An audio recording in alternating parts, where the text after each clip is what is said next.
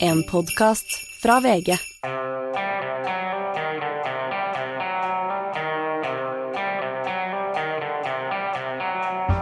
Ikke visste jeg at alle disse dagene som kom og gikk, de var selve annus horriblis. Det lærte vi i sin tid av dronning Elisabeth. Det betyr et eh, helt eh, forferdelig år.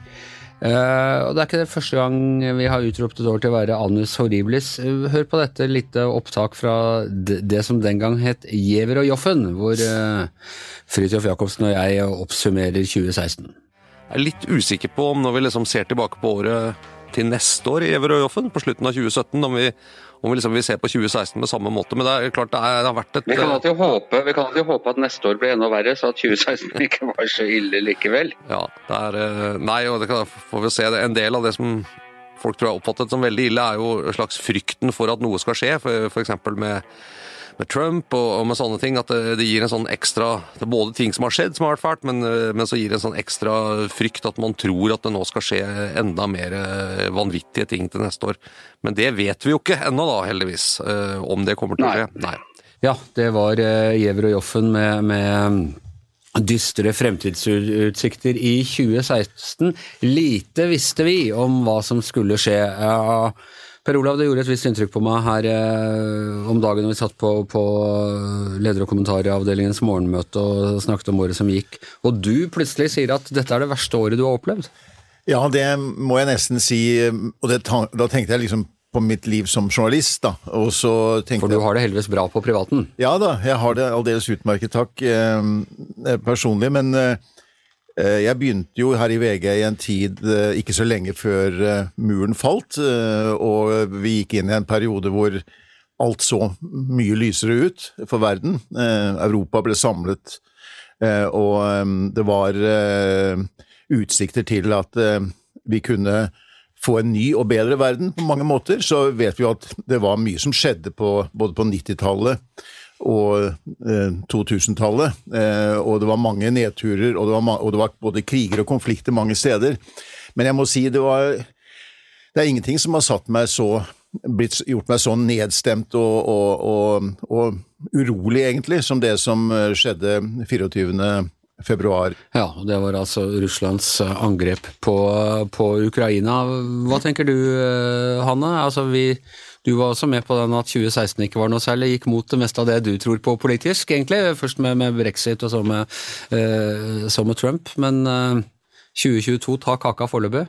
Ja, det gjør det. Det har jo gått jevnlig nedover, og du har det store bildet med antall demokratier som blir færre, autoritære regimer som blir flere, og så har det bare akselerert i et voldsomt tempo i 2022 med eh, invasjonen av Ukraina fra Russlands side, og påfølgende energikrise, politisk uro, ja. Nei, det har vært et veldig, veldig mørkt år. Ja. Hans Petter Sjøli, du er egentlig fremtidsoptimisten eh, par excellence blant oss, med, et, uh, med dine formative år på, på 90-tallet. Har du nå innsett at det går ikke bedre? Verden går dritt dass. Verden går jo sikkert i dass en gang, så de, de pessimistene får jo sikkert rett til slutt. tror det du det som Per Olav som snakka meg opp på, på, på, en gravstein, så står pessimisten, og så har han jo liksom oppnådd sitt dystre budskap da, til slutt. Nei, nei, det er vanskelig å være å være fremtidsoptimist akkurat nå, ja. Eh, det året her har vært blytungt. Vi vi kommer fra blytunge år også, med pandemi og sånn, og så håpa vi liksom at det skulle bli en slags sånn roaring twenties, nærmest. ikke sant? En slags sånn uh, eufori. Men så kom da invasjonen i Ukraina i stedet, og det um, ja, det er ikke noe særlig lyspunkter på en måte å feste blikket på og tro at det her går over. Det er ikke det. Det kommer bare til å bli kanskje enda mer dystert framover. Yngve Kristian, det var din gode venninne Elisabeth den andre som innstiftet begrepet anus horribilis i sin tid. Det var vel da det året hvor, som vi akkurat har gjenopplevd i, i Netflix, hvor alle barna hennes ble skilt, og Winster Castle brant. Uh, og i dette året mistet vi jo uh, dronningen også. Er, årene kan ikke bli så mye verre enn dette? Nei, altså det, det er jo lite som jeg håper å si, trumfer trumfe invasjonen i Ukraina.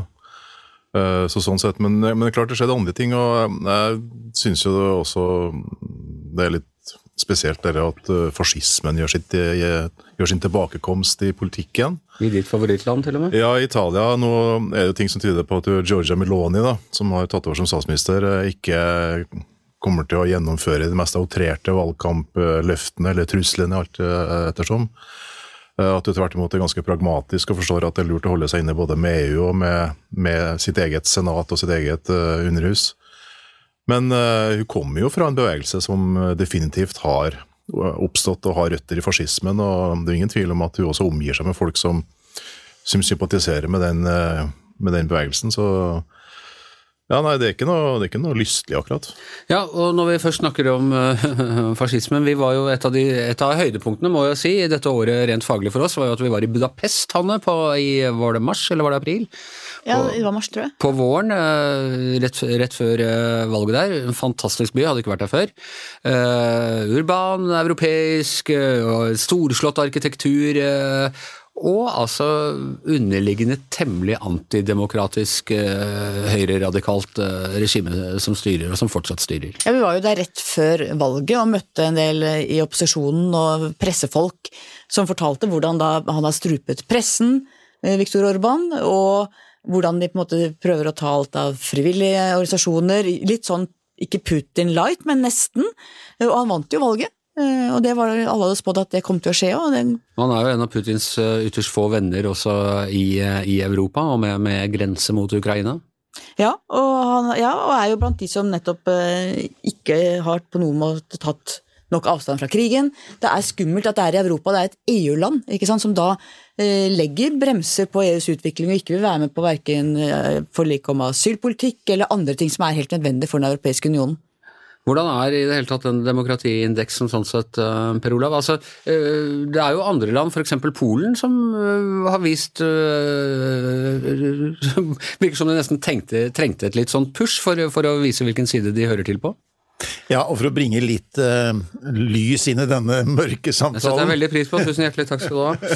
Så vil jeg jo si at noe av det som er positivt og gledelig dette året som vi snart forlater, er jo at du har sett at uh, demokratiene på en måte er blitt styrket, etter min oppfatning. Det er slik at vi Det demokratiske Europa uh, og Nord-Amerika har på en måte stått sammen med allierte i andre deler av verden, demokratiske land, eh, i opposisjon mot det Putin har foretatt seg.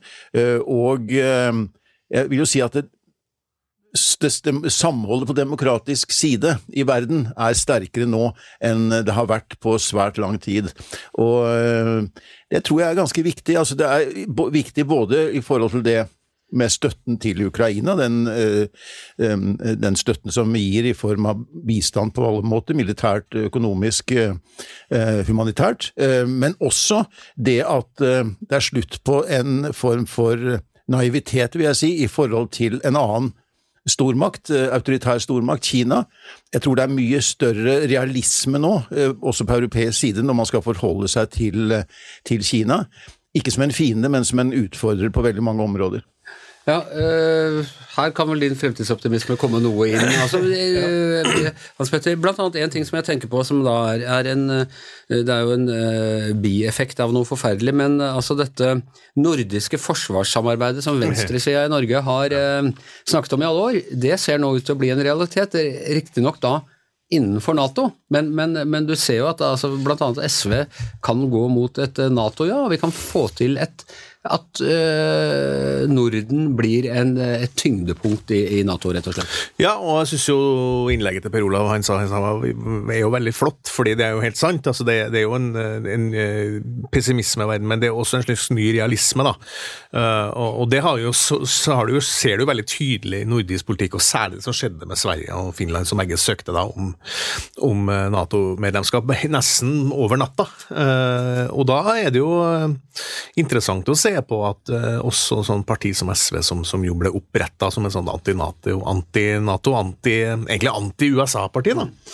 Uh, nå har lagt bort til den uh, formuleringa i programmet at, skal, at, Norge må ut av Nato. I hvert fall sånn, i, kort, uh, i nærmeste fremtid. Uh, så, så, der er også en, ser du en del av leder i SV er ja. jo rett og slett tilhenger av norsk Nato-medlemskap nå? I hvert fall sånn i praksis. Ja. og det er, jo, det er, jo, interessant. Det er jo en helt ny og veldig overraskende vending, da, eh, som kommer som en følge av at vi nå forstår uh, hva slags trussel uh, autoritære regimer faktisk uh, også truer på en måte oss indirekte. Da. og det tror jeg har vært en oppvåkning for, for veldig, veldig mange, også for meg sjøl, å se på hvor Jeg var nok blant dem som, som mente at hadde veldig pessimistisk syn på Russland veldig lenge, og, og, skrev veldig mye om det her rundt i 2014, da invasjonen av Krim og sånn. Så ble ikke sånn ekstremt overraska over at det skjedde det som skjedde i februar, men men det er, jo, det er, jo, bare at verden har blitt helt annerledes. Det, det, er en, eh, det senka seg et alvor og en, en bevissthet i, også blant folk som tidligere kanskje hadde en litt, litt sånn litt naivistisk tilnærming til at eh, vi bare vi snakker sammen, så blir alt sammen bra. Dialog. Dialog og handel. Eh, nå ser vi jo at det er krefter som vil helt andre ting. Vi ser, eh, vi hører Jens Stoltenberg, eh, Natos generalsekretær, mener at eh, frihandel er en naiv utopi, Hanna? Han sier at frihet er viktigere enn frihandel, eller frihandel er ikke viktigere enn frihet. Og han er jo veldig opptatt også av Kina, vårt forhold til Kina. At vi må ikke gjøre samme tabben som vi har gjort med Russland, altså Europa, med å gjøre seg avhengig av russisk olje og gass. Må ikke gjøre oss avhengig av Kina når det gjelder handel, når det gjelder teknologi, når det gjelder råvarer. Så han er veldig opptatt av trusselen fra Kina, som er høyst reell. Eh, denne, hele denne litt hva skal jeg si, nyliberale ideen som oppsto etter uh, murens fall, som uh, Per Olav snakket om her i stad, og da hadde vi disse tankene om the end of history. ikke sant? Det, det, det liberale demokratiet med, med markedsøkonomi og, og, sånne ting, det er liksom det er så langt eh, som sivilisasjonen kan utvikle seg. jeg har fått de siste 20 årene, vil jeg si, noen, noen skudd for baugen. altså Terroren har skremt oss vekk fra en god del av disse fri bevegelse-tingene, og, og, nå skjønner vi nå at f.eks. Liksom det der å basere oss på å kjøpe gass fra, fra, Russland, det er heller ikke noen eh, bærekraftig eh, modell for, for demokrati. Nei, Vi ser jo nå en globalisering, globalisering i revers. Og Donald Trump tok jo dette et veldig langt skritt videre ved å lage store tollmurer både mot Kina, men også mot uh, andre land. Uh, og så ble det akselerert kraftig gjennom pandemien. Hvor vi da for det første så fikk du veldig sånn logistikkproblem, for det var eh, hemmet produksjon og transport av mye. Og så så du også hvor avhengig vi var av av andre. Hvor han, liksom, nå har du mye mer krav om matvaresikkerhet, vi hadde ikke hansker, vi hadde ikke masker. Så land er mye mer opptatt av å være selvforsynte også av beredskapshensyn. Samtidig som du er i ferd med å få to, eller ikke er i ferd, du har fått to blokker. Kina på den ene siden, USA på den andre siden, som etter hvert vil måte få hver sin gjeng bak seg. Og Du får en mye mer todelt verden enn det vi har hatt i vår tid. Men mens altså resten av Europa står tettere sammen enn en noen gang, så er det nettopp pga. brexit våre venner på de britiske øyer, de som er kjent for overskriften 'Tåke i kanalen, kontinentet isolert'. Uh, Yngve, de har jo beveget seg på mange måter bort eh, fra den eh, modellen. og hvordan, hvordan, går det prosjektet egentlig? Det, spør, jo spørs hvem du spør, nær sagt. Uh, det er jo veldig mange nå som begynner å innse at uh, brexit ikke leverte det som var lovnaden fra Boris Johnson og, og Liv-bevegelsen. Uh, de har jo gått på det ene økonomiske smellen etter det andre. Og det er jo også på bak... Altså det er jo ikke bare brexit, da, det er jo covid her og etterfølgelsen av det. da. Uh, men de, de, driver fortsatt og prøver å reorientere seg over hvordan de skal løse dette. altså hvordan uh, altså Get Brexit done var liksom slagordet til Boris, men saken er Og det ble jo sagt at han leverte på det, men han har jo ikke levert på det. For fortsatt så står jo f.eks. Nord-Irland-problemet uløst. Ja, fordi grensen Hva gjør man med grensen ja, der? Ja, hva gjør man med grensen der? Og, og dette, denne ideen også om at London City skulle bli en ny slags sånn Singapore upon Thames, har heller ikke slått helt til. Uh, og så har de jo da utnevnt nå en ny minister uh, for å se på brexit opportunities, altså brexit-muligheter. da.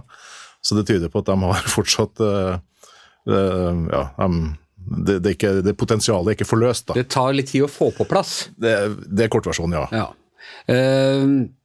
Hva, hva, tror du, Hans Petter? Er, altså, vi, vi, ser jo at det er ganske sterke krefter og sterke stemmer, i hvert fall, i Norge, som fortsatt har beundring for at britene valgte å, å, gå ut av EU, og som nå, ikke minst pga. strømkrisen, roper på mer norsk isolasjonisme, at vi burde holde strømmen for oss selv, og vi, hele den globalistiske ideen som, som, var styrende gjennom 90-tallet, 90-tallet, at den mer eller mindre er død.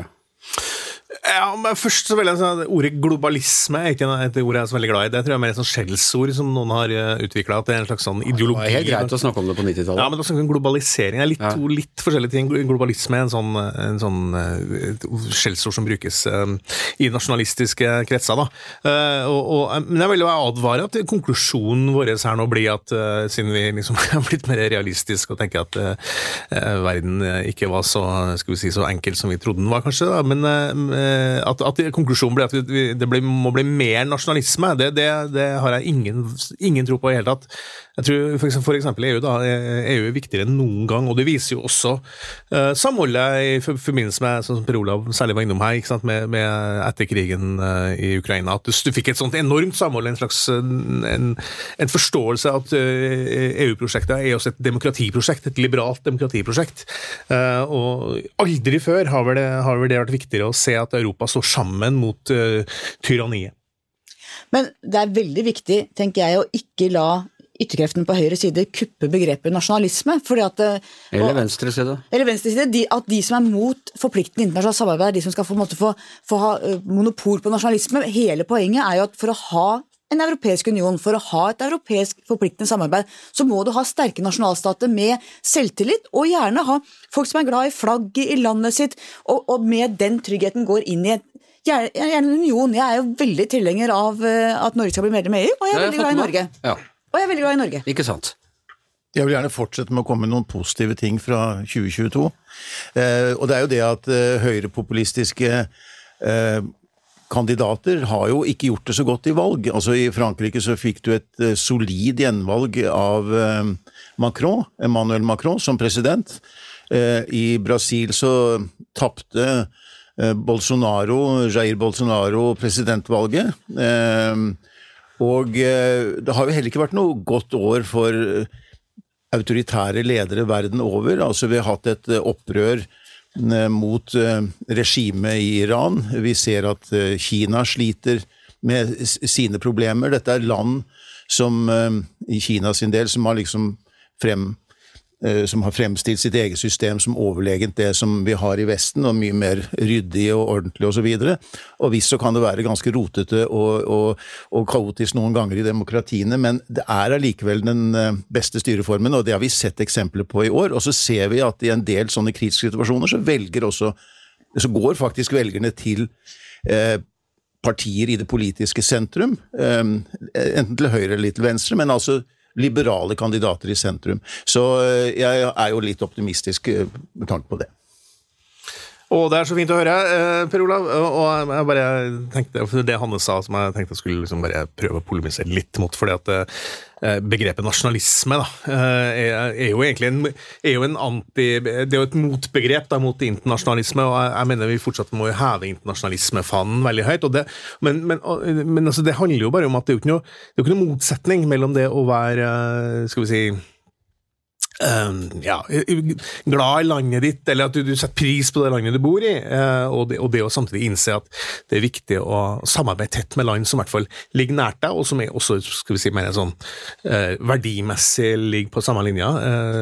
Men hvor lå polemikken mot meg i det, Hans Petter? Jo, fordi, fordi, du, fordi du, du, vil, jo, jo, fordi at du vil, du vil på en måte rehabilitere ordet, begrepet nasjonalisme. Uh, jeg følte det du sa. Da. Du sa at det ikke var noe galt med nasjonalisme? Ja, jeg tror Det er det som er Det jeg reagerer litt på, for jeg mener at det, da er det bedre med andre type ord, altså patriotisme eller et eller annet sånt. Ja, ja men det finnes, det finnes jo virkelig en, en, positiv nasjonalisme. For eksempel? Jo, nei, ja, men altså, det, jo, men eh, jeg mener jo at I nasjonalisme skal det også ligge der som du sier, at det være glad i landet sitt og patriotisme og, og sånt. da. Eh, er også dypt bekymra for, for, den type nasjonalisme som fører til separatisme og, og isolasjonisme og den slags. Men, men, altså Men du er glad i norsk kultur og norsk historie og ja. norsk særegenhet? Ja, og jeg er glad i skotsk historie og skotsk særegenhet. Og jeg er veldig glad i, i Italia og alle de ulike regionene der. Vi har aldri vært en nasjon. Nei, det kan du si. Og, det, og italiensk nasjonalisme er jo sånn sett et, en contradiction in terms. da.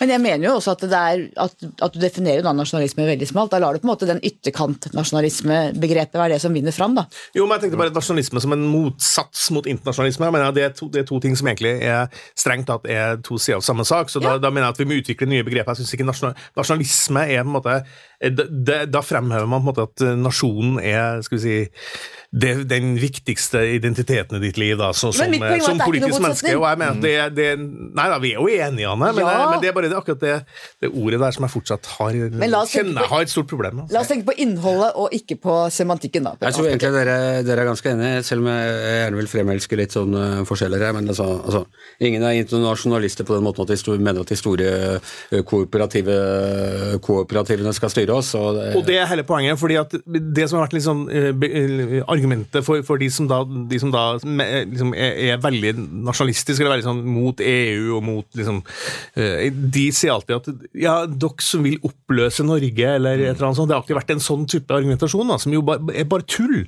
Ikke sant? Jeg mener jo at det her, Og han er helt sikkert helt enig i det. Det er to nivåer som fungerer veldig godt sammen, da, og samtidig. My point exactly. Ja. Ok. Uh, vi får uh, Av julen så later vi som dere er enige, men egentlig er de dypt uenige og krangler om dette hver eneste dag. Nei da! Det, I det litt mindre, det har eh, også vært, eh, vært et podkastår eh, av de store. Vi som har holdt på med podkast en stund, vi, vi, har ikke kanskje helt liksom, tenkt over det, men det er, i år var året hvor det virkelig er blitt kasta penger etter podkast. Her i VG så har vi da fått en ny pod-app som heter Podme, som vi nå er Eh, en del av, og, og som vi er eksklusivt publiserer på, på, fire ganger i uka. Eh, mange har tatt etter oss med denne podkasten, er faktisk en av landets aller eldste, eh, med våre straks åtte år. men mange har tatt etter oss, mange har funnet ut at det er en fin form, bl.a. i politiske partier, til å snakke sammen og, og vise litt sånn den typen uenighet som kan være i innad en kommentarredaksjon og innad i et parti. Dette var tema for dagens eh, Politisk kvarter, som på en måte er morgenandakten for alle oss eh, politisk interesserte Eh, i Norge i, på, på gårs, i gårsdagens uh, utgave. Og da var det litt sånn om, om Høyres uh, podkast som heter Stortingsrestauranten, og, og, forskjellige andre sånne politiske podkaster. Og, og, der var vår gamle venninne Tone Sofie Aglen, som nå er uh, sluttet her dessverre i, i vår, og, og, begynte i NRK. Hun var inne for å kommentere. Altså på slutten så fikk hun anledningen til å anbefale en politisk podkast å høre på. Men uh, Aglen, det er ikke bare partier som lager podkaster om politikk. og hvis du er politisk interessert, da, hvilke podkaster vil du anbefale folk å mhm. høre på? Nesten ethvert mediehus nå med respekt for seg sjøl har jo også sin egen politiske podkast. Både de store riksavisene og også regionavisene gjør det. F.eks. Bergens Tidende, Adresseavisa, Stavanger Aftenblad. Så det er mye der som er verdt å lytte til. Mm, men hvem er det du syns er god? Jeg syns uh, mange er gode på forskjellig måte. Hallo! Her ligger ballen på straffemerket!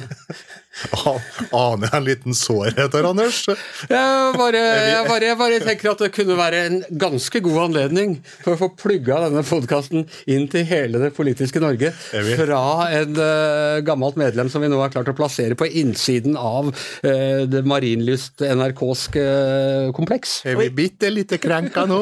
vi er vel ikke røper ingen hemmelighet hvis vi sa at du var ganske full av dette da du kom på morgenmøtet i går? Det var det, og jeg tenkte egentlig at jeg tenkte egentlig at dette bør vi, dette bør vi eh, ta opp med, med angjeldende eh, programsekretær Aglen i eh, NRK. Kan ikke du prøve å ringe henne? Hallo! Det er uh, Anne Skjever som Jeg vet ikke om du husker meg, vi jobba sammen i, i, i rikspressen for veldig lenge siden. Ja, det var noe kjent med navnet ditt. Ja, ikke sant. Nei, du, jeg hørte på Jeg hører jo stadig på NRK, som er en veldig god radiokanal.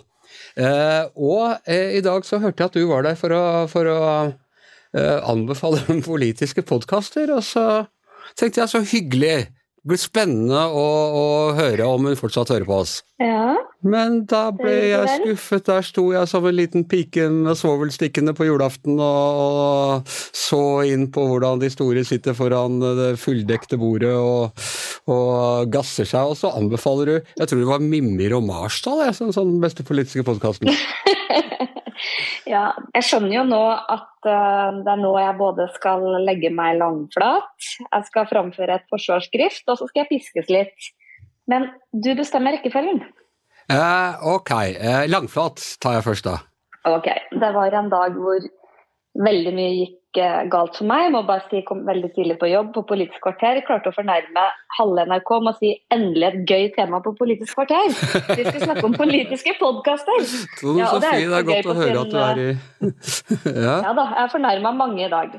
Men så klarte jeg jo for det første uh, å gå inn i partikaninfella med det at jeg snikskrøyt av min egen arbeidsplass NRK når jeg på en eller annen merkelig måte skulle anbefale andre podkaster. Men når jeg nå fikk kniven på strupen av programlederen da, med hvilke andre podkaster skal du trekke fram, så kom jeg liksom i den der fella at jeg vil jo ikke fornærme noen. Jeg skjønte at det her ville bære galt av sted uansett. Så jeg sa noe litt sånn ullent og nevnte litt sånn ulike distrikter og viktige på den ene og på den andre side. Så jeg ble jo egentlig litt sånn parodien på en litt sånn dårlig NRK-kommentator som på den ene og på den andre side i stedet for å svare på spørsmål. Det merka du jo. Det andre som skjedde, er jo at Det er rart for deg å tenke på, men jeg har jo hatt noen før deg. Jeg har til og med starta en podkast i Adresseavisa, så jeg følte at dette ble liksom galt uansett. Det er grusomt å høre at du har hatt noen før meg, ja, altså, Tone Sofie, ja. men jeg svelger uh, tappert her. Men det jeg må si med, med uh, på, den positive siden, det ga oss jo en uh, anledning til å, til å, ringe deg opp her på, på dagen før julaften og få ønsket deg god jul fra alle dine kolleger her i, i VG, som savner deg veldig, for du var en kjempebidrag til, ikke, altså til VG generelt, men til denne podkasten spesielt, det må vi jo si. Og, så det er veldig gøy å høre deg på, på NRK. Jeg tror at uh, med deg på laget så kan NRK kanskje utvikle seg til å bli en veldig viktig radiokanal etter hvert. Det var veldig hyggelig å høre. Nå skal jeg gå og ta ti piskerslag, Anders, og så er det heldigvis snart nytt år, nyttårsforsetter, nye muligheter. Så denne tabben skal jeg selvfølgelig ikke gjøre flere ganger. Ja ja. Nei da, når dere skal oppsummere podkaståret neste år, da, da, regner jeg med at uh, da er vi, da er vi på plass. Toppen sier seg selv. Ja. Tusen takk skal du ha, Tone Sofie. God jul, alle sammen. God jul, god jul. Og for å, å, ta kritikken fra Tone Sofie ad notam her på tampen, så kanskje vi skal, vi skal være flinke til å nevne noen podkaster vi hører på som, uh, som vi syns er gode. Ta det rundt bordet her. Starte med deg, Per Olav. Jeg liker New York Times eh, Daily, men det er litt avhengig av hva de har som tema. Og du, Hanne? Eh, får jeg nevne tre? Eh, ja, ja. ja The Daily bare... fra New York Times. Ja. Eh, Ezra Klein, fire faktisk, og Farid Zakaria, eh, Global Public Square, og ikke minst Checks and Balance fra The Economist. Ja. Ja, jeg vil, eh, Som politikkpodkast har jeg en stor favoritt som heter The Rest Is Politics, med Alistair Campbell og Rory Stewart, som snakker innsiktsfullt om uh, britisk politikk. Det ble jo veldig stille i britisk politikk da, da uh, Boris Johnson og etter hvert også Liz Truss forsvant, så, så det, nå det, får vi knapt høre om hva som skjer der borte i det hele tatt. Men følg den podkasten. Det er altså Alistair Campbell, som var tidligere uh, spinndoktor for Tony Blair, og Rory Stewart, som var utfordrer til Boris Johnson fra det konservative partiet. De to sammen, det er. Yngve?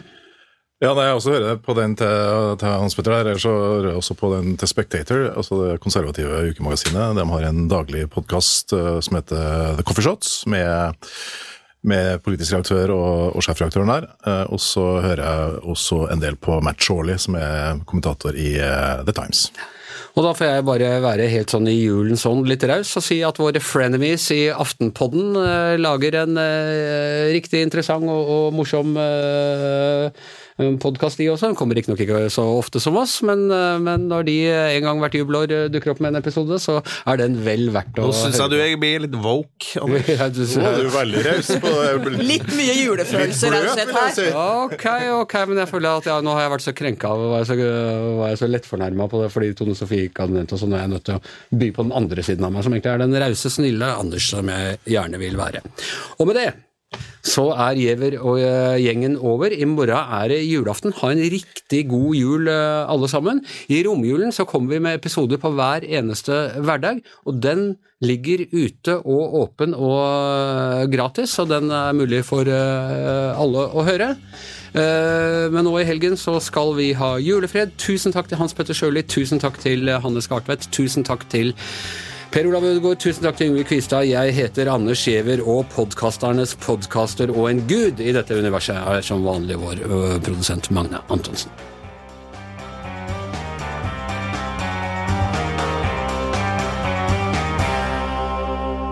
Du har hørt en podkast fra VG.